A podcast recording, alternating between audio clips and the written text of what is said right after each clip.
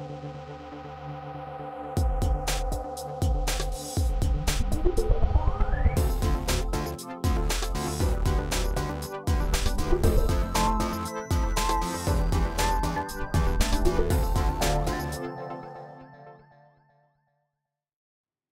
أهلا بكم إلى هذه الحلقة من برنامج تكنوفيليا. في حلقة اليوم نتحدث عن الجدل حول مواصلة تطوير الروبوتات القاتلة من قبل شركات خاصة واعتمادها من قبل بعض الحكومات. مؤخرا شركة أمريكية كشفت عن روبوت قاتل على هيئة كلب مسلح زود ببندقية قنص قادر على إصابة الأهداف بدقة من مسافة 1200 متر ما يطرح السؤال حول مستقبل نظام الأسلحة غير المأهولة. وفي فقرة تجربة اليوم نتعرف على ابتكارات تم الكشف عنها في معرض GITEX في دبي في الإمارات. سنتعرف على روبوت طبيب يجري فحوصات طبية وعن تقنية طرحتها شركة بولندية تسمح بدفع ثمن المشتريات بالعينين فقط.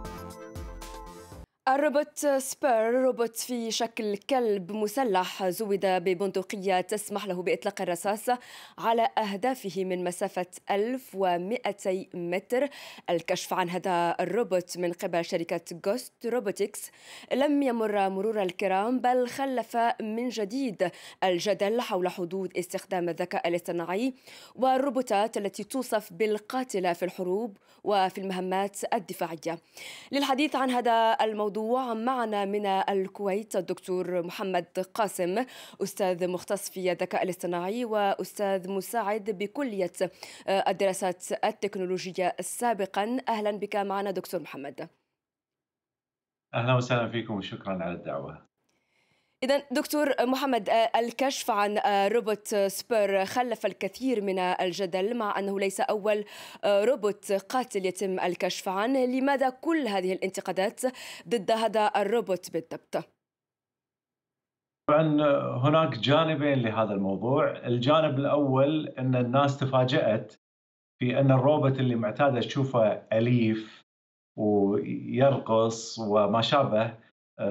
مثل في Boston Dynamics وإن كانت هذه ليست شركة Boston Dynamics إنما لما شافوا الروبوت هذا تحول إلى روبوت مسلح بسلاح يعني شديد القوة الناس خافت. هذا أول شيء. لكن هناك خوف أعمق من هذا وأعقد من هذا وهو أن الناس يعني اشتكت من أن هل هذا الروبوت سيكون مستقل بذاته يعتمد على الذكاء الاصطناعي وهل الذكاء الاصطناعي هذا ممكن أن يخطئ فيصيب ناس بالخطأ مثلا؟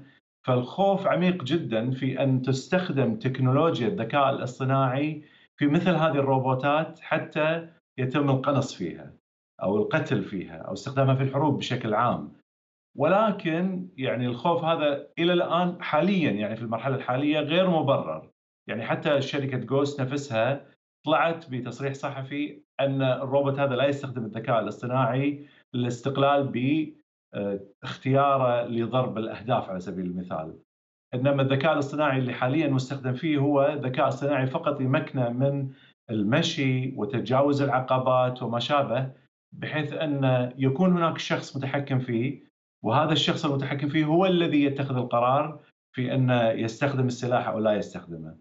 ف الخوف الحقيقي الواقعي هو من إدخال الذكاء الاصطناعي إلى داخل الروبوت. دكتور محمد هناك دعوات ومحاولات لتقنين استخدام الروبوتات القاتلة واستخدام الذكاء الاصطناعي في صناعة الأسلحة خوفا من سقوط هذه الأسلحة كما يقال بين أيدي جماعات توصف بالإرهابية وأيضا خوفا من خروج الروبوتات التي توصف بالقاتلة عن السيطرة، هل بالفعل يمكن للروبوتات القاتلة أن تخرج يوما عن سيطرة البشر؟ طبعا قبل لا نتطرق لموضوع فقدان السيطرة يعني نحن نخاف ليس فقط من أن الارهابي يمسكه حتى الدول اللي تصنعه ممكن تستخدمه استخدام خاطئ. يعني نحن نعرف أن الذكاء الاصطناعي إلى اليوم يعني حاليا على المرحلة الحالية يعني ليس بذلك بتلك الدقة اللي ممكن نطمئن له. فلذلك في مخاوف شديدة من أن الذكاء الاصطناعي يخطئ. لكن إحنا مخاوفنا اليوم ليست من الإرهابيين لأن هذه التكنولوجيا لم تصل إليهم إلى الآن وهي ما زالت تحت التطوير في الدول المصنعة المتقدمة.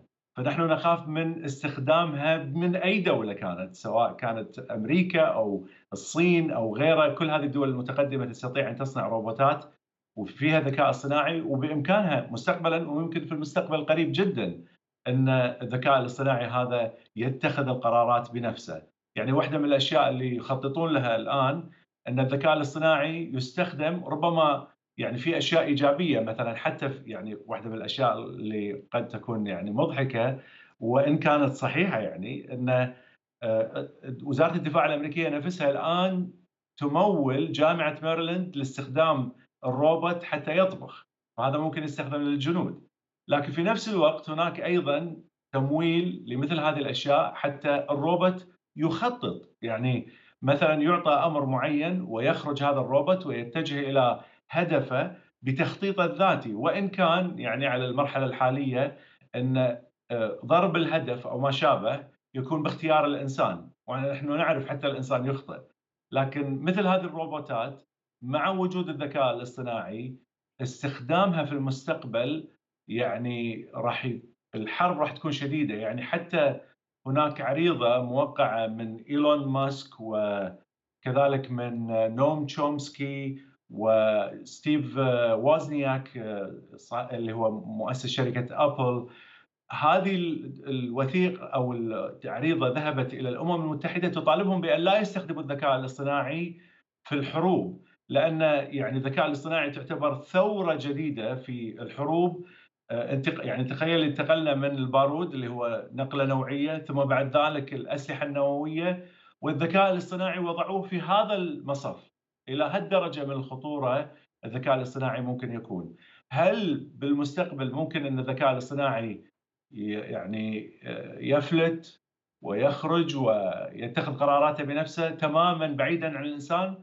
هذا ربما توقيت مبكر في اتخاذ قرار مثل هذا أو إجابة على هذا السؤال، لكن بالتأكيد هناك مخاوف في انه حتى الروبوت باتخاذ قرارات بسيطة قد يقتل مدنيين، قد يقتل ناس يعني ليسوا من العسكر أو من الأعداء، فلذلك هذه المخاوف موجودة، نعم الإجابة على هذا السؤال انه نعم أن هناك مخاوف من الذكاء الاصطناعي في إدخاله في هذا النوع من التكنولوجيا. نعم شكرا جزيلا لك الدكتور محمد قاسم أستاذ مختص في الذكاء الاصطناعي وناشر البودكاست العلمي السيوير نواصل الآن مع فقرة تجربة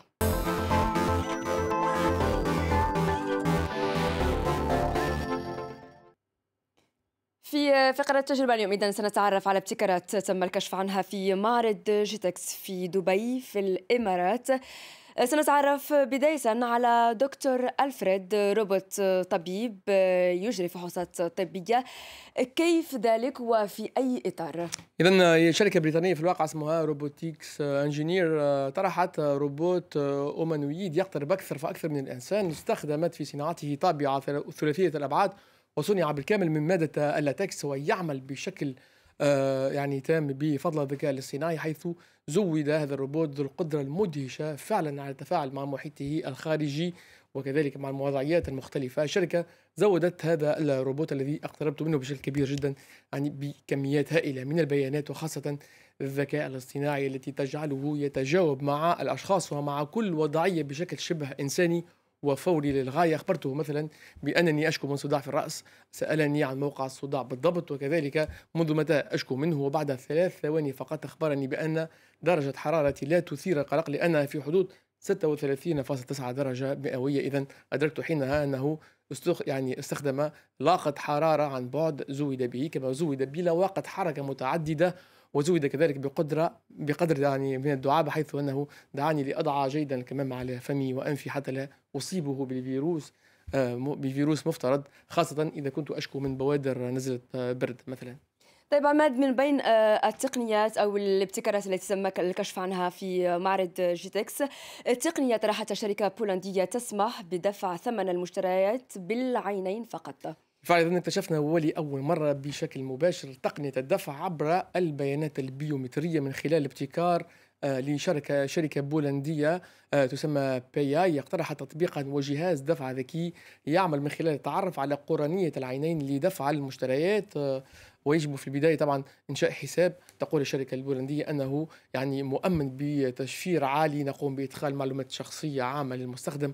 كالاسم والعنوان والبيانات البنكية ثم نقوم بمسح لعيني المستخدم وتخزين الخصوصيات البيومترية على هذا الحساب لاستخدامها لاحقا. التطبيق يرتبط بجهاز دفع ذكي يسمى اي بوز يترجم هذه البيانات التي قمنا بإدخالها في هذا الحساب عند كل عملية دفع للتعرف على المستخدم الذي قام بفتح هذا الحساب. وفي غضون خمس ثواني تقريبا تتم عملية التعرف على خصوصيات قرنية العينين الوحيدة والخاصة تماما بكل فرد. والدفع واقتطاع المبلغ مباشرة من الحساب البنكي. طبعا هذا الحل مثالي عند فقدان أو نسيان كل وسائل الدفع المعروفة. والفكرة أتت لصاحب المشروع في حالة مماثلة والجهاز يستخدم أصلا اليوم في 160 متجرا في بولندا والإقبال عليه عليه مشجع للغاية بحسب آه، طبعا أصحاب الشركة الناشئة. نعم شكرا لك ونصل معك إلى نهاية هذه الحلقة من برنامج تكنوفيليا. شكرا لكم على المتابعة. نترككم الآن مع هذه الصور من هامبورغ شمالي ألمانيا حيث تم إطلاق أول قطار ذاتي القيادة يمكن التحكم به رقميا. القطار الذي تم إطلاقه من قبل شركة الخطوط الحديدية الألمانية Deutsche Bahn. وشركة سيمنز خطوة نحو تعميم هذه القطارات ذاتية الحركة في كل البلاد.